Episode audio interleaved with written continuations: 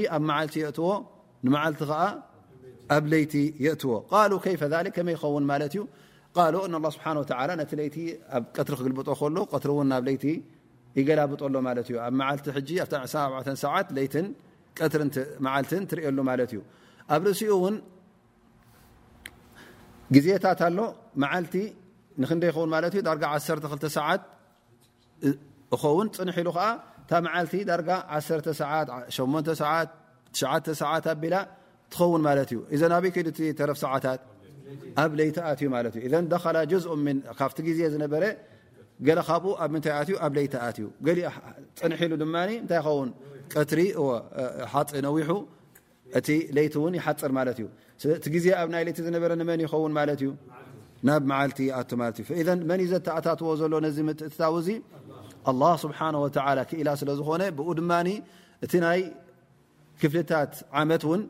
ይቀያየር ማለት እዩ ግዜ ቆውዕን ግዜ ክረምትን ግዜ ሓጋይን እዚ ኩሉ ሕጂ እፈላለየልካ ማለት እዩ ምክንያቱ እቲ ዘራእቲ ንገዛእ ርእሱ ፀሓይ ዝደልየሉ ኣሎ ፀሓይ ክጎድለሉ እንተጎዲሉ እውን ካልእ ዓይነት ዘራእቲ ዝበቕለሉ እቲ ዝወፅእ ፅግያት ኮይኑ ካልእ ዓይነት ኩሉ በበ ሕጂ እቲ ኣዝመራ ኮይኑ ገለ ነናቱ ንፋስ ስለ ዘድልዮ ኣላ ስብሓን ወተላ በዚ ናይ ቀትርን መዓልትን ምልዋጥን ምሕፃርን ምንዋሕን ድማ ነቲ መዓልቲ እናገላበጠ ከከም ግዜኡ ገይሩ እቲ ናይ ዓለም ክፍልታት ናይ ዓመት እውን ከም ዝቀያየር ገይሩልና ማለት እዩ ኣላ ስብሓን ወላ ላ ስብሓን ወላ እዚ እቲ ናቱ ሓይልን ናቱ ብርታዐን ናቱ ክእለትን እዩ ኣላ ስብሓን ወላ ዘብረሃልና ዘሎ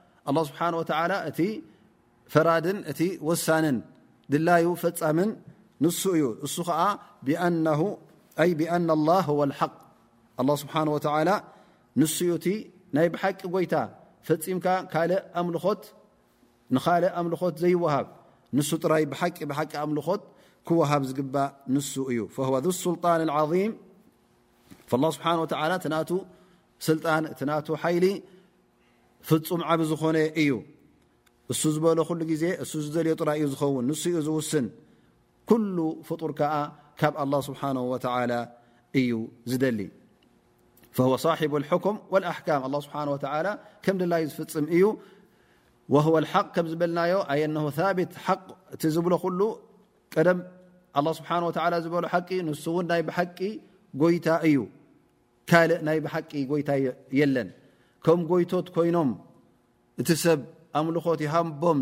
ኣ በር እዚኦም ኩሎም ናይ ሓቂ ጎይቶት ኣይኮኑን እቲ ናይ ብሓቂ ጎይታ ናይ ብሓቂ ኣምልኾት ዝወሃብ መን እዩ ኣላ ስብሓን ወተላ ኩሉ ካልእ ዓይነት ኣምልኾት ንስእልን ምስልን ዝወሃብ እዚ ኣምልኾት እዚ እንታይ እዩ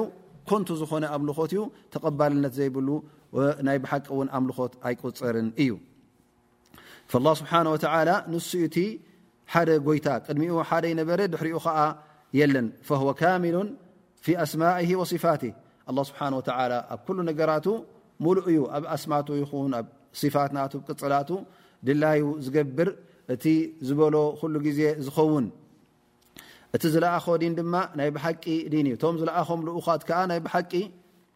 ልኡኻት እዮም እቲ ዝግበር ባዳ ውን ንኣ ስብሓ ክግበር እተ ኮይኑ እሱ እቲ ናይ ሓቂ ባዳ ዝኾነ ይኹን ካል ባዳ ንካልእ ዝግበር ሓቀኛ ኣብ ሓቅነት የብሉን ማለት እዩ ስለዚ እቲ ሓቂ እሱ ዩ ጠቃሚ ቀፃሊ ዝኾነ ውን ላን ኣ ስብሓ የብርሃልና ኣሎ ኣለዉ ካልኦት ሰብ ብጌጋ ኣምልኾ ዝህቦም ዘሎ እዚኦም ከዓ ኮንቱ እዮም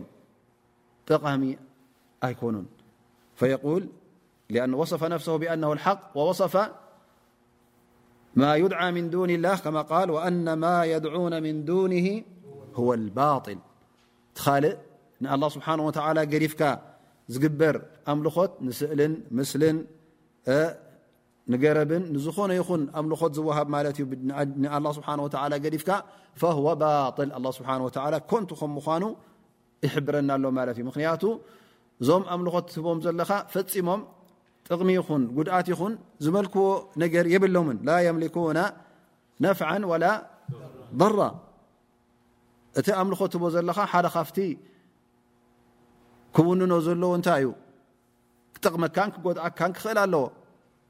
እንተ ዘይጠቕመካን ዘይጎድኣካን ኮይኑ ዝመልኮ ነገር ዘይብሉ እተ ኮይኑ ምንቲ ምንታይ ደኣ ለይትን መዓልትን ትደነሉ ጎይታ ኢልካ ትሕተኛ ትኾነሉ ከማኻ ፍጡር እተ ኮይኑ ንሱ ንገዛእ ርእሱ ጠቕምን ጉድኣትን ካብ ጎይታ ትፅበ እተ ኮይኑ እንታይ ገዲሹካ ምስ ትጨማለቕ ትኽልካ ናብ ጎይታኻ ዘይትኸይድ ንክልቴኹም እዚ ጎይታ እዚ ሓደ ዶ ኣይኮነን ዝብፅሓኩም ኢዘ ኣላ ስብሓን ወተላ እቶም ኣስናም ይኹኑ እቶም ስእልን ምስልን ኩሎም ኮንቱ ከም ምዃኖም ኣላ ስብሓን ወተላ እሶም ንገዛእ ርእሶም ባጥል እዮም እቲ ዝወሃቦም ዘሎ ኣብልኾት እውን ኮንቱ እዩ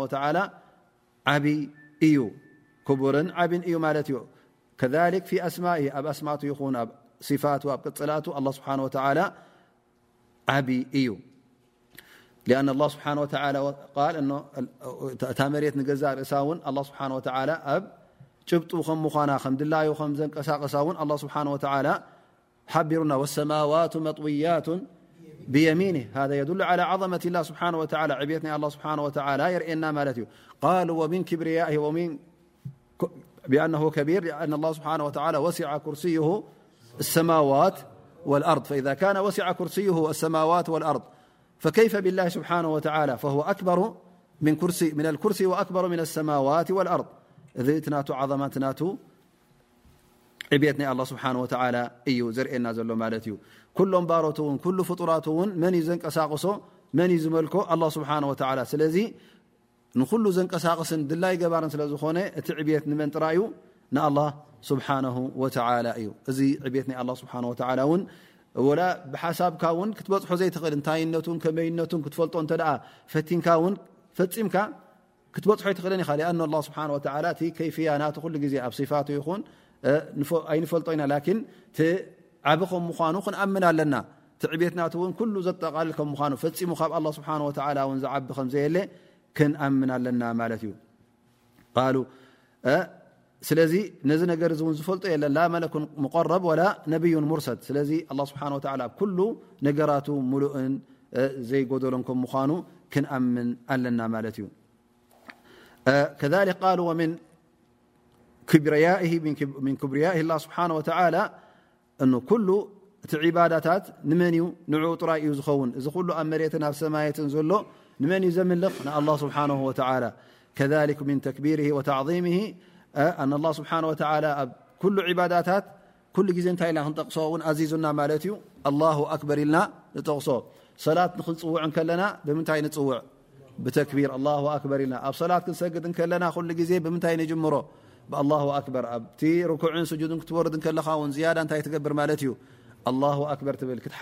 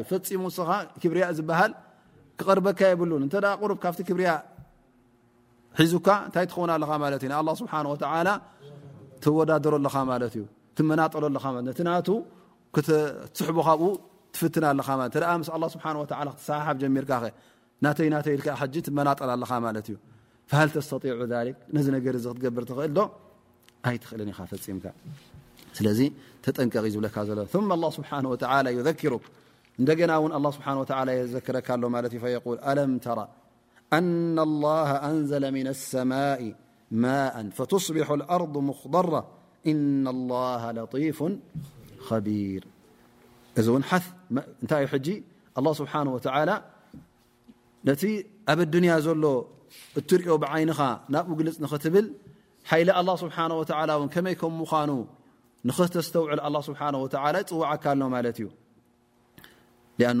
ካብቲ ትሪኦ ዘሎካ ኣብ ኣዱንያስ ክትጥቀም እቲ ምቅያር ዝርከብ ዘሎ ፋይዳ ክትረክብ ሱቕ ኢሉ ማይ ወቑዕ ኢልካ ማይ ድኣ ኩሉ ዓድን እዩ ዝወቅዕ ኩሉ ሰብ ወቕዖ ኣሎ ላኪን መን የስተፊድ እዚ ማይ እዚ ካበይ መፅ ኢልካ ክትሓስብ ከለካ ከመይ ገይሩ ይወርድ ኣሎ ስለምንታይ ኣብዚ ዓዲ ወቂዑ ኣብቲ ዓዲ ዘይወቕዐ ስለምንታይ ኣብቲ ዓዲ ብዙሕ ወቂዑ ኣብቲ ካልኣይ ዓዲ ከ ብዙሕ ዘይወቕዐ እሞ እዚ ማይ እዚ ንምንታይ ይመፅኣሎ እንታይ ለውጢ ርከባሉ ፍቲ መሬት እዚ ኩሉ እተ ኣስተንቲንካሉ ሃል እዚ ነገር እዚ ስቁኢሉ ዩ ዝኸውን ዘሎ ኣው ኣነ ለ ሙደብር በ ላ ስብሓ ወላ ንሱ ዩ ዘንቀሳቅሶ ዘሎ ማለት እዩ ፈዘ እዛ ማይ እዚኣ ክትወርድ ከ ኣለም ተራ እብለካ ኣ ስብሓ ኣይረኣኻ እንዲኻ ወይ ከዓ ኣስተውዕል ንክተስተውዕሉ እዩ ኣ ስብሓ ወላ ፃውዒቱ ዘመሓላልፈካ ዘሎ ማለት እዩ እቲ ኣረኣያ ዳህካ ውን ጥራይ ብዓይኒ ይኮነን ኩላህና ብዓይኒ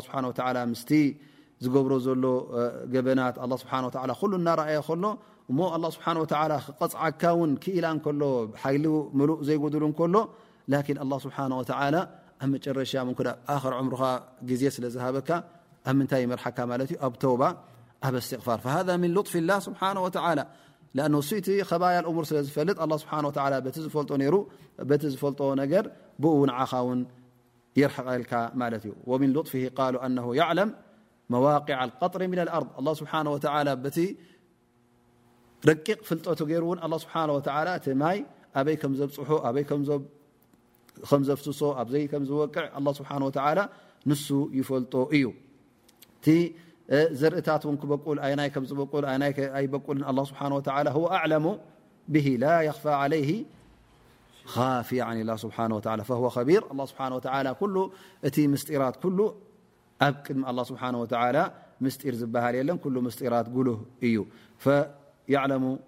ኸፋያ ሱዱር ወኸፋያ ልእሙር ኣብ ልብኻ ኣንታ ወዲ ሰብ ዝሓባእካዮ ነገር፣ ዝነየትካዮ ነገር፣ ዝሓሰብካዮ ነገር እንተ ኣሎ ኮይኑ ኣላህ ስብሓነሁ ወተዓላ ይፈልጦ እዩ። ሊላህ ኢልካ እትገብሮ ብሓቂ ሊላህ ኢልካ ተበጊስካ እትገብሮ ኣላህ ስብሓነሁ ወተዓላ ይፈልጦ እዩ።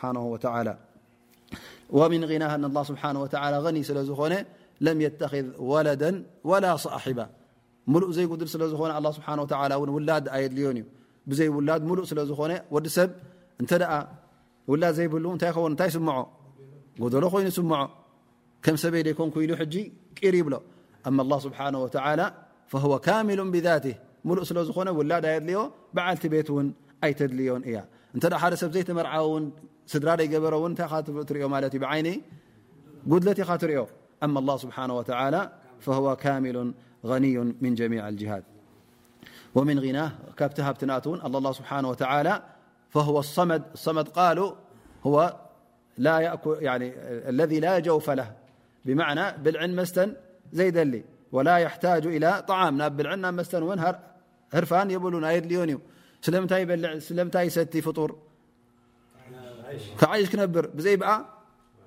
ክነብር ኣይክእል ኣም ላ ስብሓን ወተላ ብልዕን መስተን ኣየድልዮን እዩ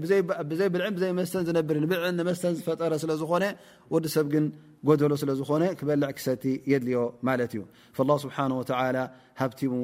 ሙሉእ እነቱ ኣብ ምንታይ ንሪኦ ማለት እዩ ኣብዚታት ንሪኦ ማለት እዩ ፈዋ ዩጥዕም ወላ ዩጥዓም ንሰብ ይረዝቕ የብልዕ የስቲ ዳኣ እምበር ንሱ ነዚ ነገር እዚ ኣየድልዮን እዩ ወልኸልቅ ኩሉም ኩሉ ፍጡር እውን ካብ ኣላ ስብሓን ወተላ እዩ ዝፅበ መጀመርያ መን ኸሊቕዎ ጎደሎ ስለ ዝኾነ ክእለት ስለ ዘይብሉ ኣላ ስብሓን ወተላ ኸሊቕዎ ትምሉእ ኸሊቕዎ ማለት እዩ ድሕሪኡ እውን ተኸሊቑ ጥራይ ከይኣኸሎ እንታይ ይፅበ ማለት እዩ ሽሻይን ርዝቂ ንፅበ ማለት እዩ ኣላ ስብሓን ወተላ ጥዕና ክበካ ካብኡ ትፅበ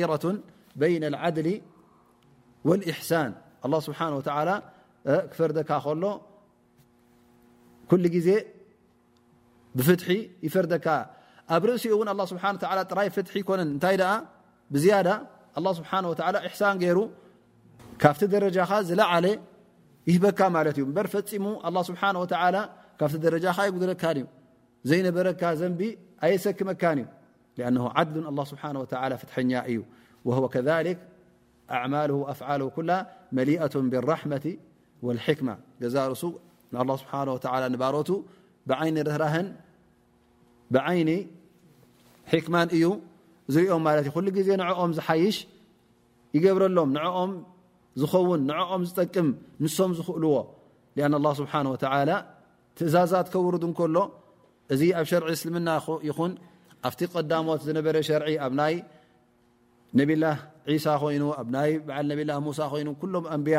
ትዝህቦም ዝነበረ ሸርዒ እንታይ እዩ ነይሩ ኩሉ ኩሉ ግዜ ጠቃሚ ዝኾነ ንዓኻ ጠቃሚ ንወዲ ሰብ ጠቃሚ ዝኾነ ማለት እዩ ካብ ዝኾነ ይኹን ትእዛዝ ክበካ ከሎ ንዓኻ ክጠቅም ኢሉ ካብ ዝኾነ ይኹን ነገር ክክልክለካ ከሎ እውን ንዓኻ ካብ ዝጎድእ ነገራት ኣላ ስብሓን ወተላ ይክልክለካ ማለት እዩ ን ላ ስብሓን ወላ ማ ሸረዓ ሊካ ኢላ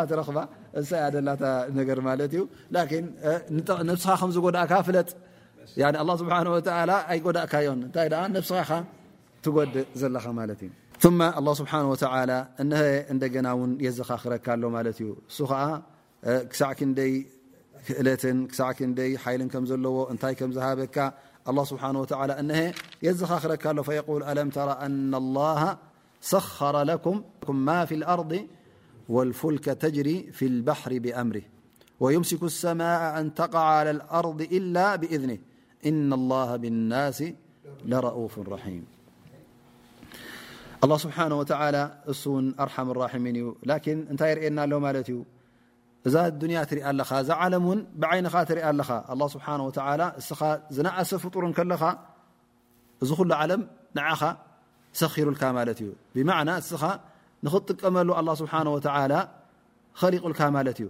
ሰኸረ ለኩም ማ ፊ ኣር ኩሉ ኣብ መሬት ዘሎ ሕጂ ንስኻ ትጥቀመሉ ኣለኻ ማለት እዩ ካባኻ ዝዓብን ካባኻ ዝሕይልን ከሎ በቢ ዓይነቱ እንስሳታት በቢ ዓይነቱ ኣታክልቲ ዝበቁል ነገራት በቢ ዓይነቱ መዓድን ገይሩልካ ማለት እዩ እዚ ኩሉ ሕጂ ኣላ ስብሓን ወተላ ንመን ሰኪርዎ ንመን ገይርዎ መን ከም ዝጥቀመሉ ወዲ ኣዳም ወዲ ሰብ ካባኻ ተዓቢ